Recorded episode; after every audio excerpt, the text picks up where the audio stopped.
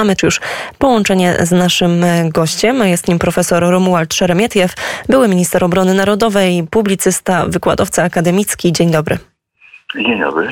Panie profesorze, Władimir Putin wystąpił z orędziem do narodu, w którym zapowiedział po pierwsze częściową mobilizację wojsk. Zagroził także, że Rosja może w obronie swojej integralności terytorialnej użyć broni nuklearnej. Ta groźba tą taką kartą atomową, no to nie jest już pierwszy raz, nie tylko z ust Władimira Putina, także wielu innych polityków, ale może najpierw e, zacznijmy od tej pierwszej części, czyli kwestia częściowej mobilizacji. O czym to świadczy? Mamy też teraz pogłoski już o zamknięciu e, granic. Na razie to są tylko plotki, tylko pogłoski, ale wiemy, że Rosjanie masowo wykupują e, bilety do wszystkich tych miejsc, gdzie mogą spokojnie wjechać bez wiz. Mhm. No cóż, e, to jest. Putin ma kłopot, żeby przyznać się przed swoim, przed Rosjanami jako takimi, a zwłaszcza przed tymi siłami, które go tam jakoś popierają, no, że źle obliczył sytuację, e, no i podjął e, akcję, która przeniosła mu niepowodzenie.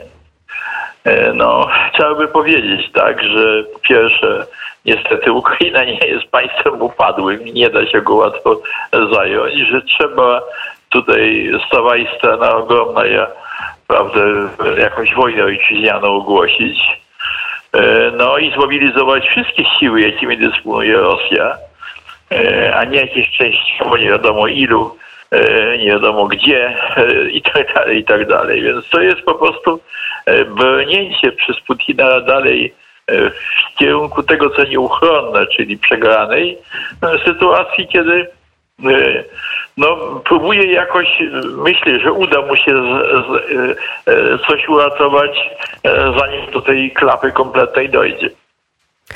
Z jednej strony mamy taką świadomość, że cały czas grożenie e, właśnie na przykład atakiem nuklearnym wynika z tego, to nie jest, to nie jest takie występowanie z pozycji mocarstwa, bo to świadczy o tym, że po pierwsze no nie mogą wygrać tej wojny konwencjonalnej, my też to obserwujemy. Mm, tylko, tak. tylko pytanie, panie profesorze, no na ile mimo wszystko, e, na ile nie należy tych gruźb e, brać poważnie, a może, a może jednak trzeba, bo mamy do czynienia na przykład z kimś, kto nie jest e, już zupełnie poczy, poczytalnym człowiekiem. Wszyscy, nie, on jest poczytalny. Tylko jest, no, zapędził się w ślepy zaułek.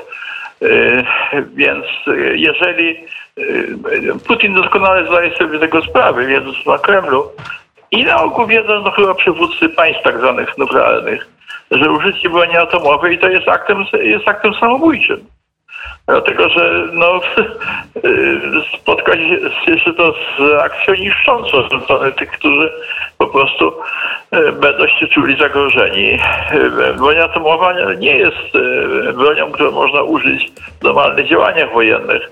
Tam co prawda pojawia się taka obawa, że, że można użyć jakiejś broni taktycznej, czyli o małej mocy, niewielki wybuch. A nawet to, co tak, robią ale... przecież, jeżeli chodzi o zaporowską elektrownię, czy no wejście no właśnie, do strefy Czarnobyla, tak. to też już jest to działanie przecież, które też takie no roz, rozgrywanie. Takie, to jest straszenie, to jest po prostu straszenie cały czas, że, że staje się coś takiego, yy, co przede wszystkim zaszkodzi straszącemu, więc to, to, to jest, no, oczywiście oni zdają sobie doskonale sprawę.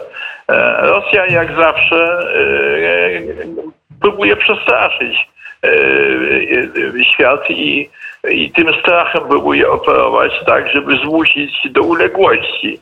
E, Ukraińców nie udało się, no to teraz zmusić do uległości tych, którzy Ukrainie wspierają. Ile razy Polska była już atakowana właśnie i grożona nam różnymi rzeczami, więc to, to nic nadzwyczajnego. Moim zdaniem Rosja, Putin przegra, no i on podejmując różnego rodzaju działania, no, to przede wszystkim chcą uratować własną skórę, e, ponieważ w którymś momencie e, ci, którzy e, go popierają, przestaną go popierać, a wiele razy było tak, że następowała zmiana władzy w Rosji to niekoniecznie dobrze na tym wychodził ten, którego zmieniano. A jak panie profesorze, pańskim zdaniem y, powinien zareagować Zachód? Na, na ten moment mamy jedynie wypowiedź sekretarza generalnego NATO Jensa mm, Stoltenberga, który no, skrytykował Władimira Putina, powiedział, żeby, no, żeby ten nie używał chyba to było takie słowo lekkomyślnej retoryki e, nuklearnej. Mm, no ale pytanie, czy, czy to wystarczy, bo już trochę mamy takie wrażenie, że doszliśmy do pewnego punktu, no, w którym są te groźby, jest e, gdzieś na szczęście, pan profesor tutaj mówi, że to jest raczej nierealny scenariusz, ale mimo wszystko cały czas groźba użycia no już najcięższej broni, największego kalibru i teraz pytanie, ale czy to już nie jest błąd?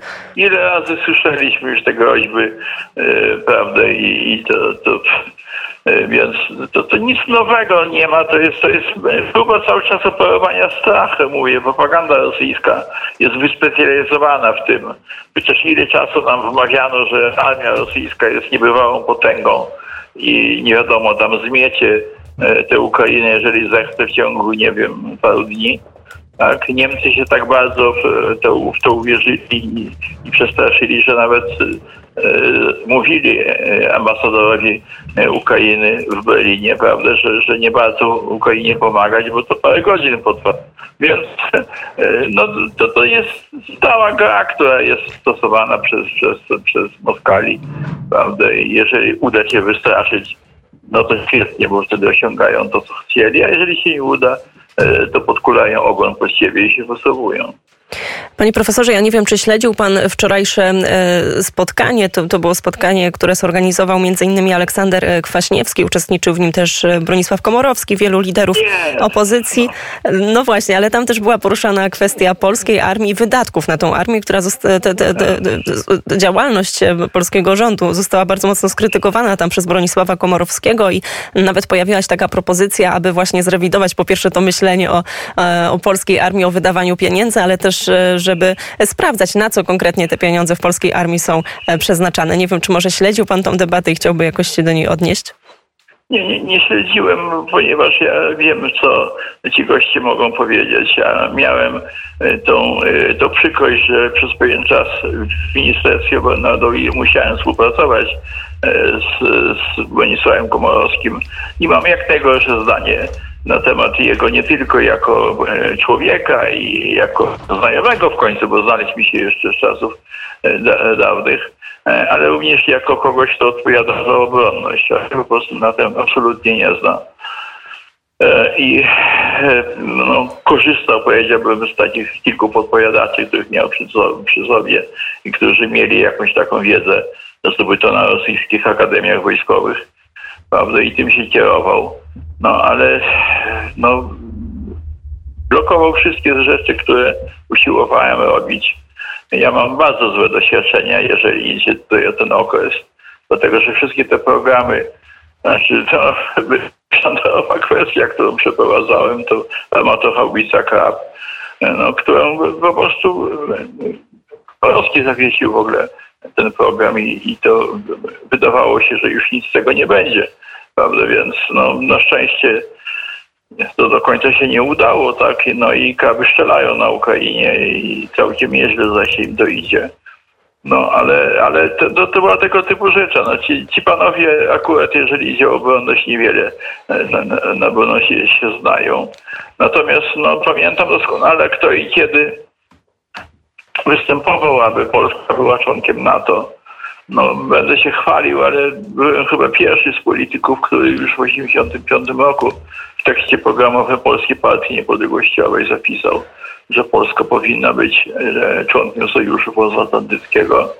Prawda? No i wtedy wszyscy mądrzy pukali się w czoło, e, że głupstwa wypisuje i fantazje.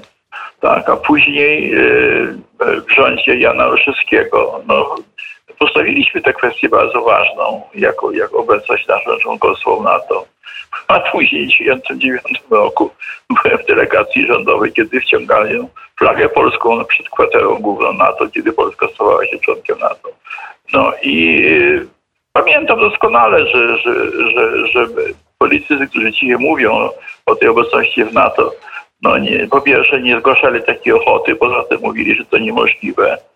No i powiedziałbym, no akurat e, to, że oni się do tego przypisują teraz, to no po prostu żenuje człowieka, kiedy na to patrzy, no ale tak pewnie w polityce bywa, że ktoś, kto pewne rzeczy nie przewidział albo nie podejmował rzeczy takich, które należy, kiedy one się już staną, to później no, przypisuje sobie zasługi i chwali się tym. No to, Bo to tak, już jest to chyba niestety taka patologia systemu, ale o tym nie mamy teraz czasu rozmawiać. Natomiast tak. panie profesorze, kilka słów e, na temat e, polskiej e, armii. Premier Mateusz Morawiecki zapewnia, że ta modernizacja i wzmocnienie sił zbrojnych idą na całego, idą pełną parą. Tak. Wiemy, że mamy rekordową kwotę 138 tak. miliardów złotych, która zostanie w przyszłym roku przeznaczona z budżetu właśnie na wojsko. No ale pytanie, czy wyciągnęliśmy wnioski, jak pan to ocenia, czy to wszystko idzie w dobrym kierunku, jeżeli znaczy, chodzi o znaczy, zmiany? Ja mam nadzieję, znaczy w mojej ocenie mamy kilka lat na to, żeby armię polską postawić w taki sposób, tak uzbroić, aby ona stanowiła rzeczywiście element nie do ugryzienia dla potencjalnego przeciwnika. Doświadczenia z, Uk z Ukrainy są również i takie, że ten, e, który nas e, straszył cały czas, wcale nie jest taki mocny, jak się e, nam wydawało. I w związku z tym, jeżeli zbudujemy naszą siłę w taki sposób, jak teraz to zaczęto robić wreszcie, no to myślę, że będziemy spokojni, jeżeli chodzi o bezpieczeństwo nie tylko Polski, ale również regionu, ponieważ taka armia będzie w stanie zagwarantować bezpieczeństwo szerzej znacznie niż tylko w granicach Polski. Stąd te, te szybkie zakupy sprzętu i e, uzbrojenia dla Wojska Polskiego i w dużych ilościach no to będzie duży, to jest duży wysiłek, bo trzeba będzie do tego przecież i ludzi, i kadry, e, bo, bo ten sprzęt musi być obsługiwany. No i to jest również kwestia zbudowy naszego przemysłu zbrojeniowego bo jego zdolności produkcyjne w tej chwili nie są tego typu, żeby mogły, żeby on mógł dostarczyć natychmiast dużej ilości uzbrojenia do wojska. Stąd zresztą to zakupy tak zwanych gotowców za granicą. E, ale to wszystko wygląda sensownie, trzyma się, jak to się mówi, kupy i, i wydaje mi się, że, że, że powinniśmy dać sobie radę. To jeszcze, panie profesorze, jednak, jednak dopytam jeszcze, a jak to wygląda w innych państwach? Na przykład, jeżeli spojrzymy na e, Niemcy, na Francję, no dużo mówi się o tym, że Unia Europejska no, przespała tak naprawdę e, tak. ogrom czasu, jeżeli chodzi o, o, o takie spojrzenie szersze. A jakby pan to ocenił? Europa Zachodnia przyzwyczaiła się, że bezpiecznie żyje pod e, parasolem atomowym Stanów Zjednoczonych. No i w związku z tym nie przykładała się do specjalnie do, do tego, żeby, żeby, żeby, żeby bezpieczeństwo, zadbać bez, o własne bezpieczeństwo e, przy pomocy własnych sił zbrojnych. Tak, no a y, Niemcy, które tutaj e, dużo przecież miały, jeżeli chodzi o Unię Europejską, były zainteresowane współpracą z Rosją. To, tak, I nie widziały potrzeby w tym, żeby, żeby jakoś rozbudować siły zbrojne. Więc te rzeczy zostały e, celowo po prostu tak zaniedbane. Nie dlatego, że zapomniano, tylko dlatego, że uważano, że siły zbrojne, wojsko e, broni będą niepotrzebne.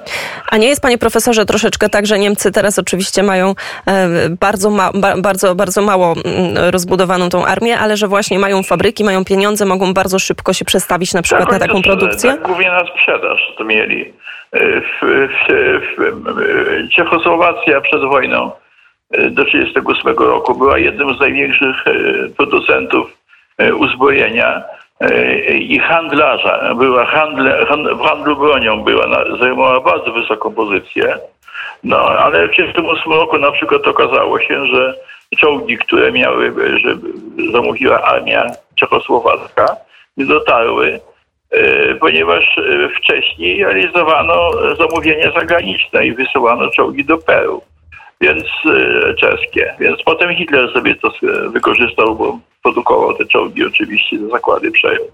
Więc e, to, że, że ktoś ma duże możliwości produkcji uzbrojenia, to nie oznacza wcale, że to posłuży e, do uzbrojenia własnej armii, bo trzeba mieć jeszcze wolę, żeby, żeby coś takiego zrobić. To mówię o politykach. A druga kwestia, która dotyczy E, Niemiec e, jako takich, to wydaje mi się, że jednak e, upadło bardzo morale, jeżeli idzie o, o społeczeństwo niemieckie. Oni chyba nie, nie mają wielkiej ochoty na to, żeby wkładać kamasze i, i maszerować gdzieś i uczyć się wojennego wojskowego rzemiosła.